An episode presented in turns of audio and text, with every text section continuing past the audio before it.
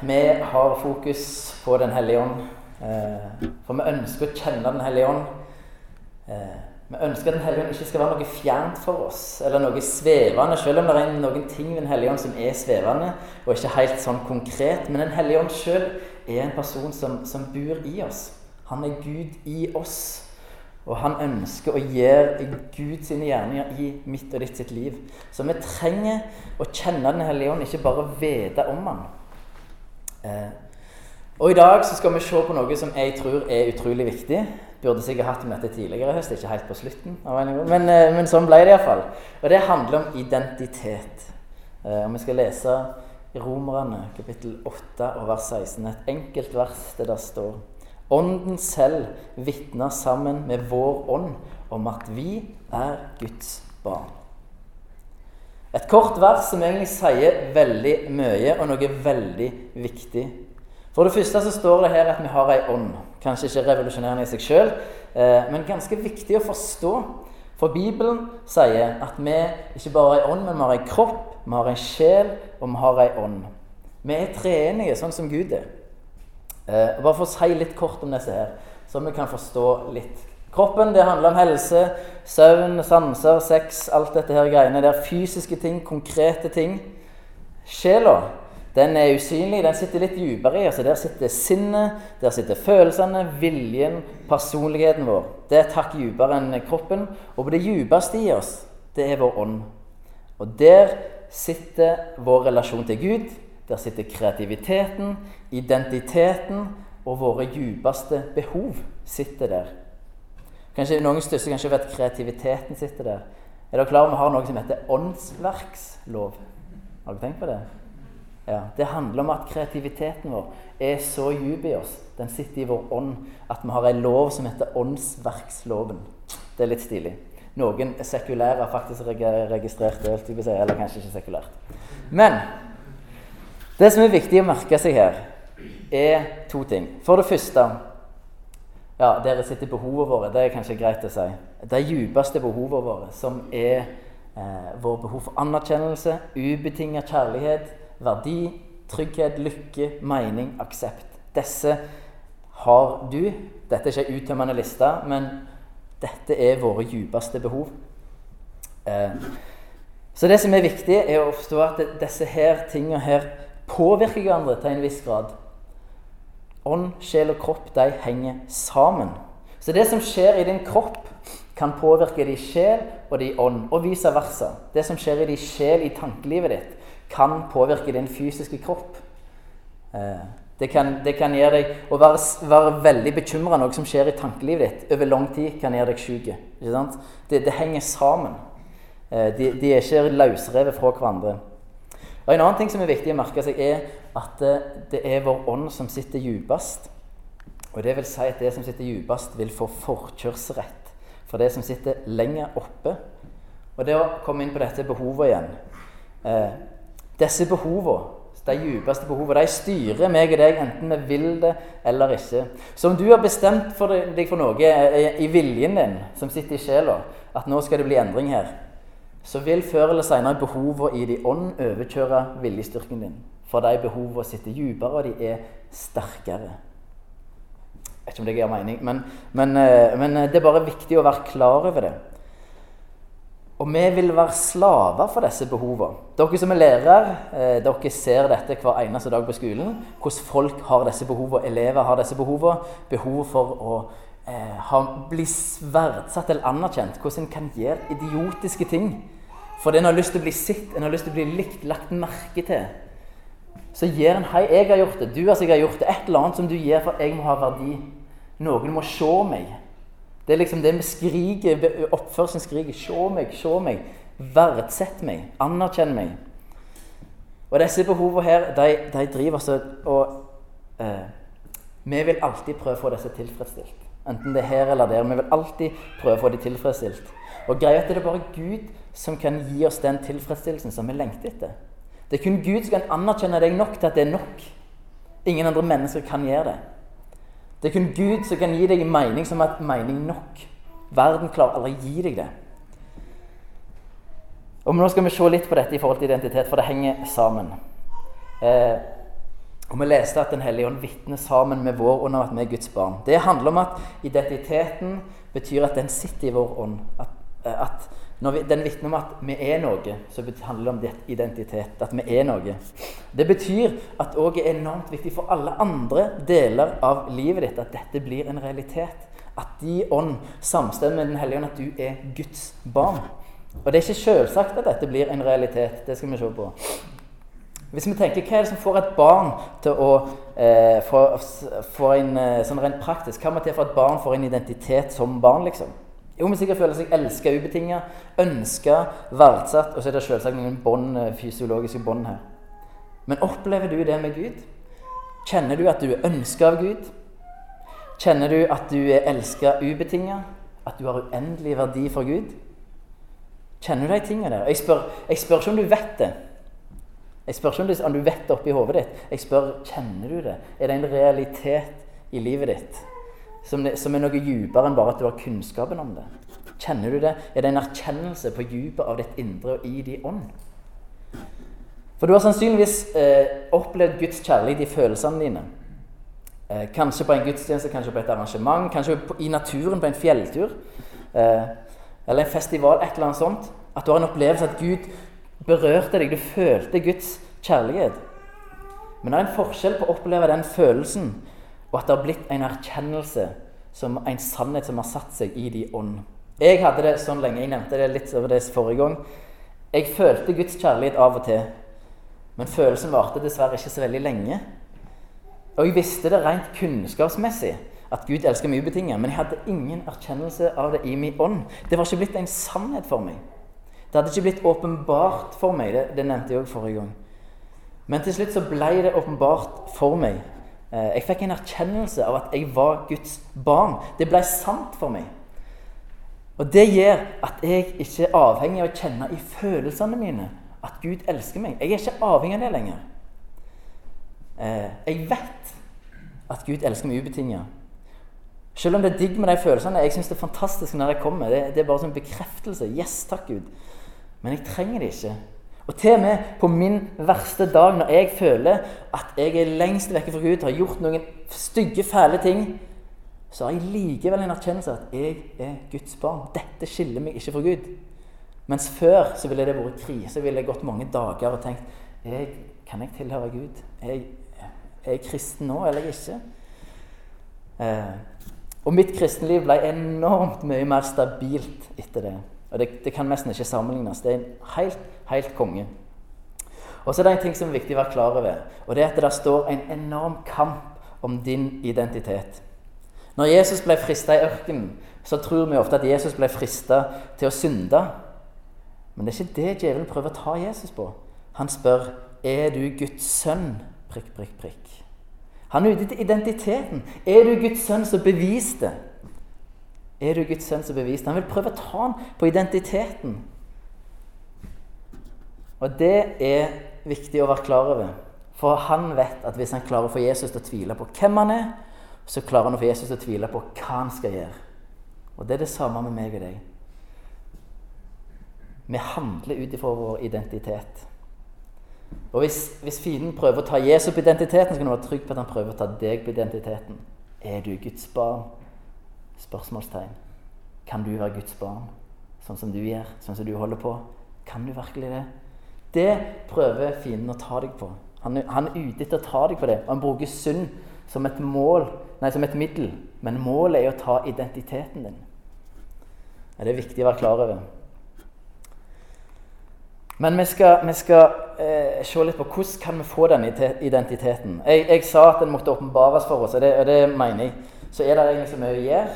Eh, jeg tror vi trenger å be om at Den hellige ånd skal åpenbare identiteten for oss. Og så tror jeg det kan være noen ting som hindrer oss i å få denne identiteten. Noen som er ting som vi kan ta vekk, luke vekk fra veien, på en måte.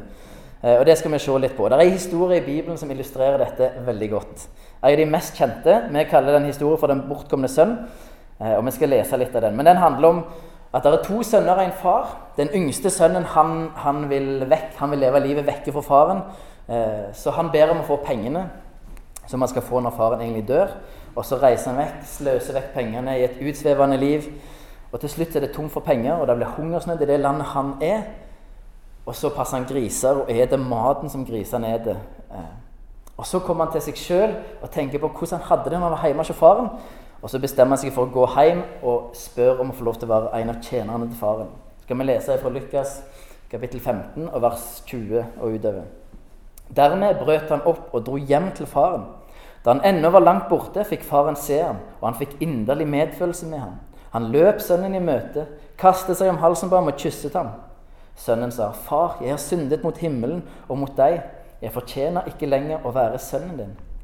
Men faren sa til tjenerne sine, 'Skynd dere, finn fram de fineste klærne og ta dem på ham.' 'Gi ham ring på fingeren og sko på føttene, og hent gjøkalven og slakt den.' 'Så vil vi spise og holde fest.'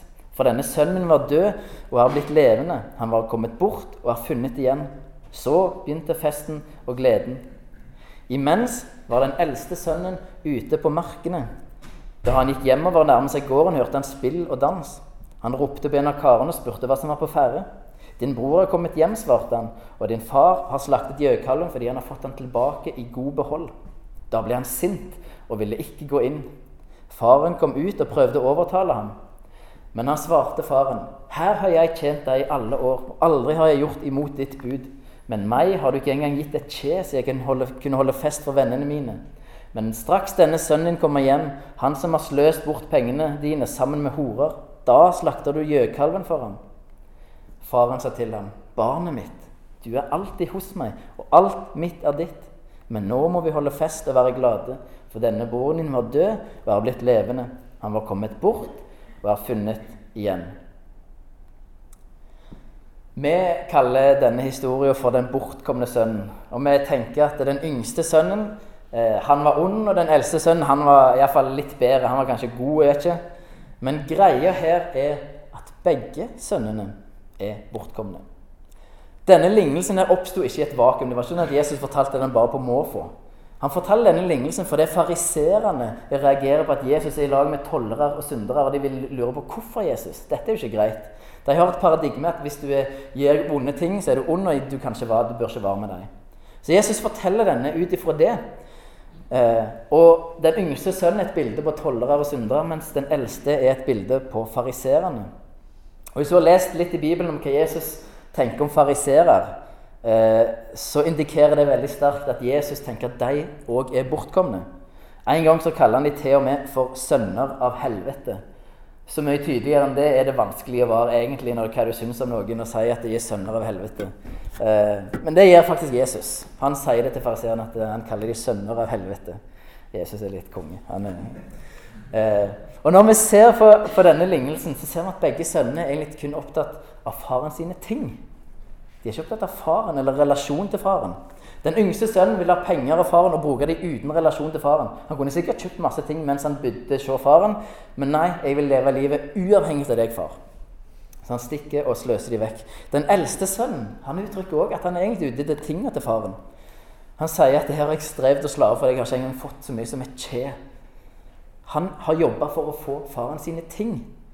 Begge har gjort opprør mot faren. Den yngste gjør opprør ved å være moralsk. Den eldste ved å være moralsk. Ved å gjøre de rette tinga. Så gjør han et opprør mot faren, for han vil fremdeles ikke ha noe med faren å gjøre. De, bro, de, de, eh, de bruker forskjellige måter å gjøre opprør på.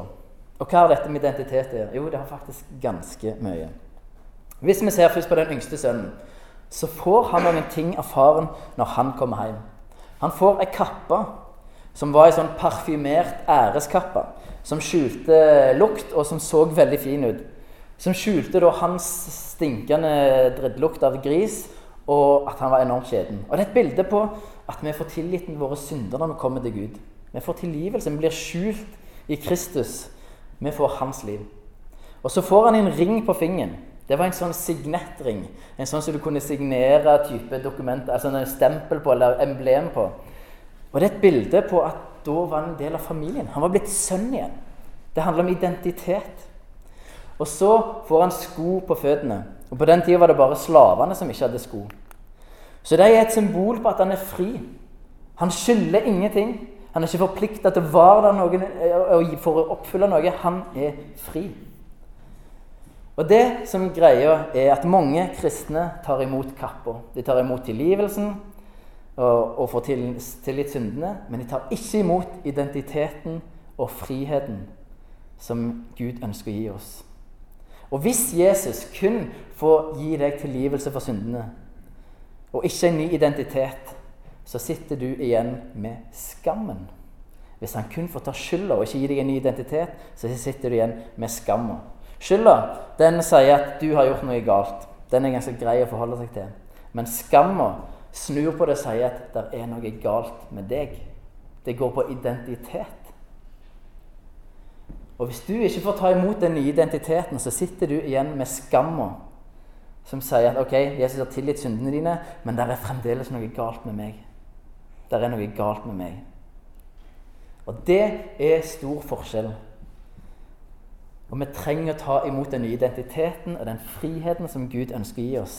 Og være åpen overfor at den kan bli åpenbart for oss.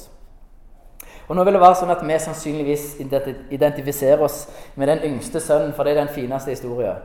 Eh, og Det kan godt være det er en del gjenkjennbare ting der. Noen har kanskje gjort moralske opprør tidligere en gang i livet eh, og vært på vide vanke i forhold til Gud og kom tilbake sånn som den yngste sønnen gjorde. Og Generelt sett kan vi si at det er elementer av, i den yngste sønnen som vi alle kan kjenne oss igjen i.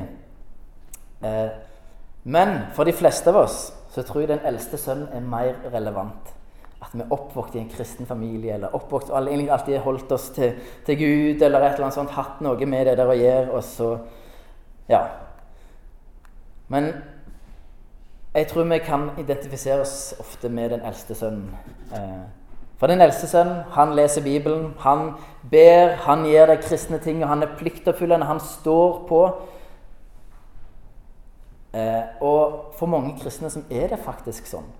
Sånn er forholdet til Gud.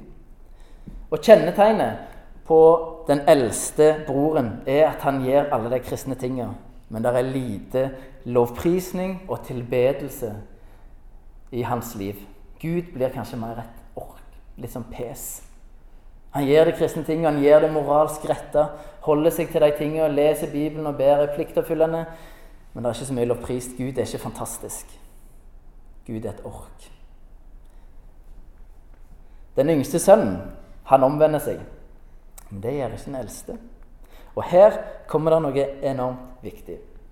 Vi har lært at det er viktig å omvende seg fra synd når du blir kristen, og det er helt rett. Omvende seg fra det onde i livet og det tingene der. Men det, er, men det som vi ikke er klar over, som, som, ja, som er faktisk ganske viktig Det er to ting du må omvende deg fra for å bli en kristen. Den ene er å omvende seg fra synd, det onde du har gjort. Og så må du omvende deg for de grunnene til de gode gjerningene du har gjort. Du må omvende deg for grunnene til at du har gjort gode ting.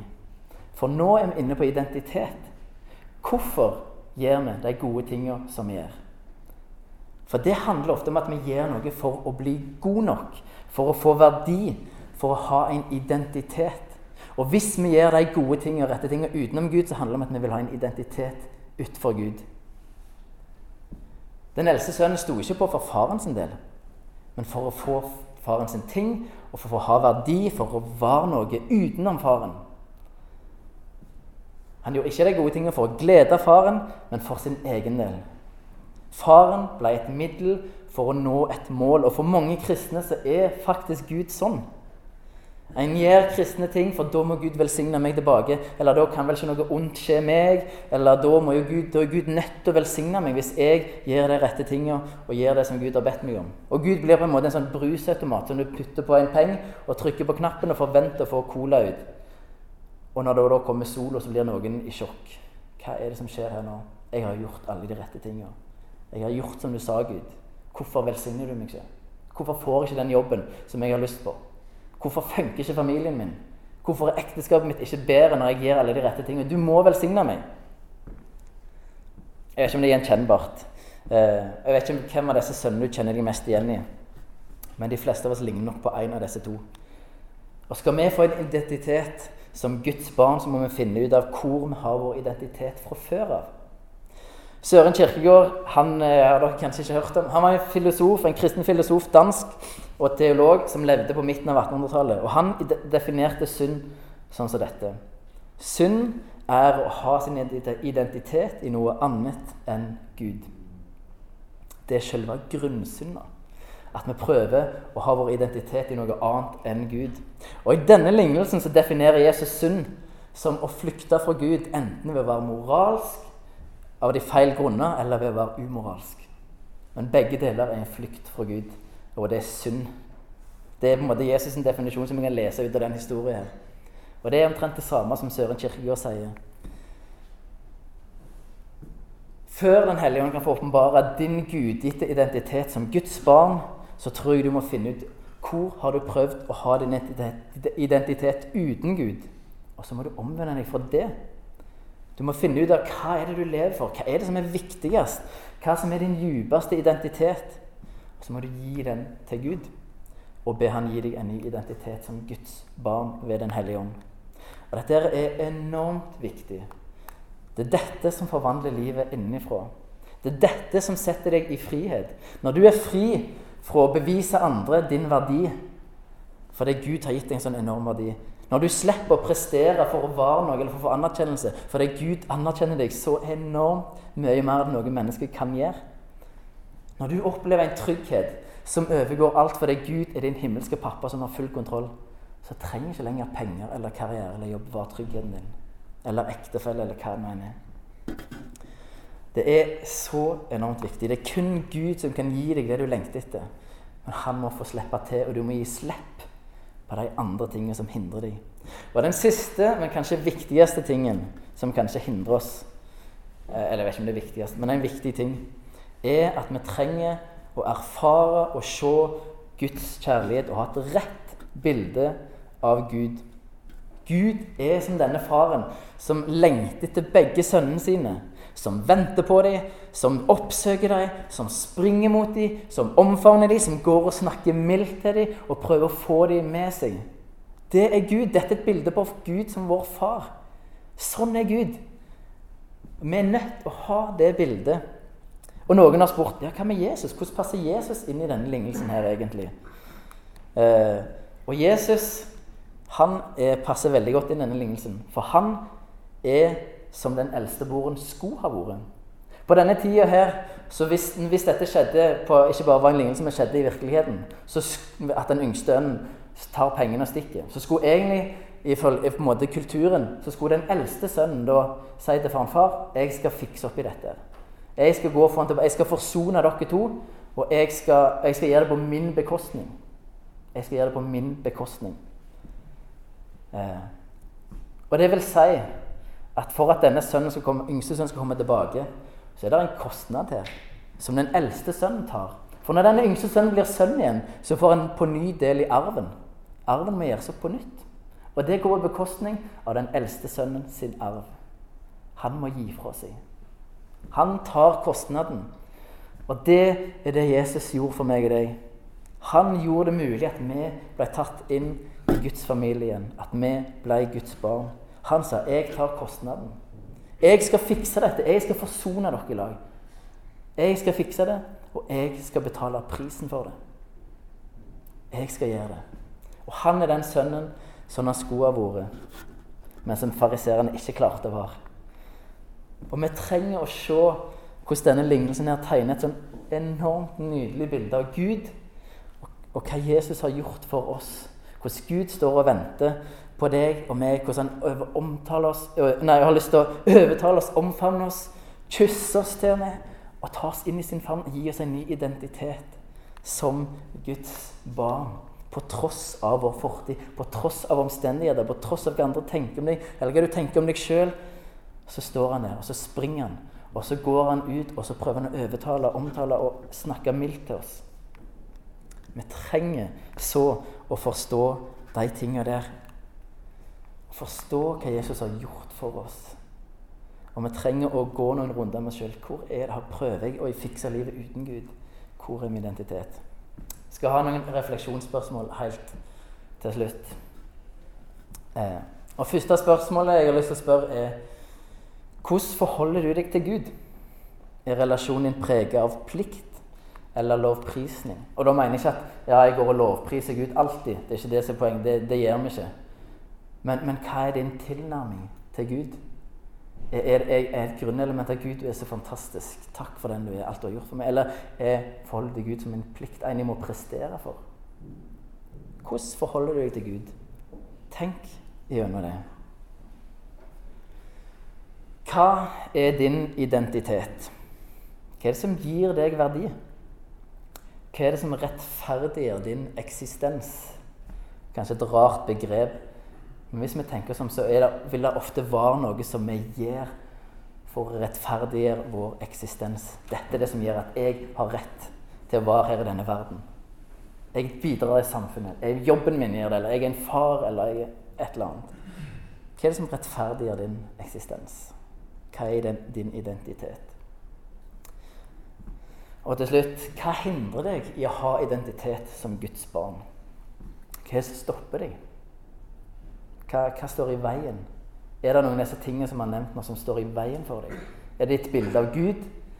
Er det din egen identitet? At du, at du prøver å finne verdi andre plasser utenfor Gud? Og at du slipper ikke Gud til? Er det at du trenger å omvende deg for grunnene for at du gjør gode gjerninger? Og hva er det neste steget i så fall? Hva, hva kan du gjøre med det? Hva, hva, er det neste steget du trenger å ta? Eh, jeg vil du skal tenke litt over det. Eh, og, og jeg vil at du skal Dette er så viktig, for det er her friheten ligger. Her ligger friheten som Jesus har kjøpt for meg og deg, med at vi blir Guds barn. Så, så dette her er enormt viktig å finne ut av. Jeg, det er ikke, jeg sier ikke dette for jeg tror at ingen har identitet som Guds barn. Jeg sier det for dette det er så viktig, for det er dette fienden prøver å ta oss på. Det er dette han prøver å ta oss på. Og vi må holde fast på hvem vi er, og vi, må, vi trenger dette, for det er en sånn gavepakke fra Gud. La oss be. Gode Gud, tusen takk for at du ikke bare har tilgitt syndene våre, men du har gitt oss en ny identitet som dine barn. Og vi har fått blitt satt fri. Det er mulighet til å bli fri hos deg. Takk, gode Gud, for at du vil oss kun det beste. Takk for at du har kommet for å gi oss livs, livskvalitet i overflod. Det er det du sier, Jesus, at du har kommet for å gi oss livskvalitet i overflod. Takk for at det er tilgjengelig. Takk for at det er mulig. Takk for at, takk for at du lengter etter å møte oss. Du står og venter. Du springer mot oss. Du ser etter oss. Du omfavner oss. Du kysser oss. Du overtaler oss. Du taler mildt oss. Du er så fantastisk Gud. Og så ber om at vi skal få lov til å ha den identiteten som dine barn. Jeg ber om at du Hellige Ånd må åpenbare det for hjertene våre. Du må åpenbare hva som hindrer oss, hvis det er noe som hindrer oss. Og jeg bare ber om at du må åpenbare for oss hvem vi er i deg. Og hvor fantastisk det er å få lov til å være dine barn. Amen.